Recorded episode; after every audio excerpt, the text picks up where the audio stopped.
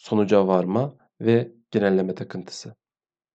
Meşhur bir hikaye vardır. Belki siz de duymuşsunuzdur. Oğluyla birlikte yaşayan Kızılderili adamın çok kıymetli bir atı var. Bir gün bu at çiftlikten kaçıyor. Tabii komşular gelip tek varlığınız o attı. Çok kıymetliydi. O da gitti diye ah vah ediyorlar. Adam diyor ki bir dakika şu anda tek bildiğimiz atın kaçması. Niye üzülüyorsunuz? İki gün sonra o at yanında hepsi de birbirinden güzel beş kısrakla geri dönüyor. Komşular bu sefer haklıymışsın. At kaçıp beş kısrakla geri döndü. Ne güzel oldu derken Bilge Yerli bir dakika sadece beş kırkrak daha geldi. Bunun iyi mi kötü mü olduğunu bilemeyiz. Acele ediyorsunuz diye onları uyarıyor. Sonra adamın oğlu o yabani kısrakları eğitirken düşük bacağını kırıyor. Komşular bir kez de eyvah tek yardımcın oğlun bacağını kırdı.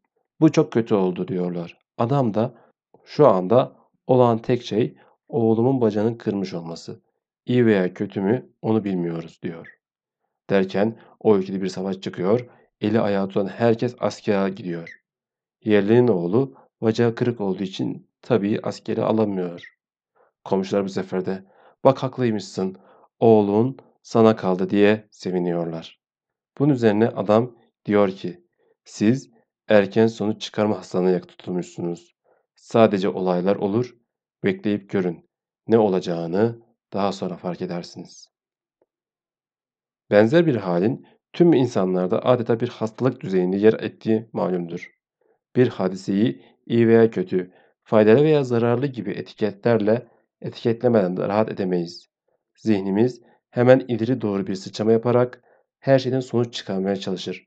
Halbuki şu anda olan tüm olaylar sadece olaylardır.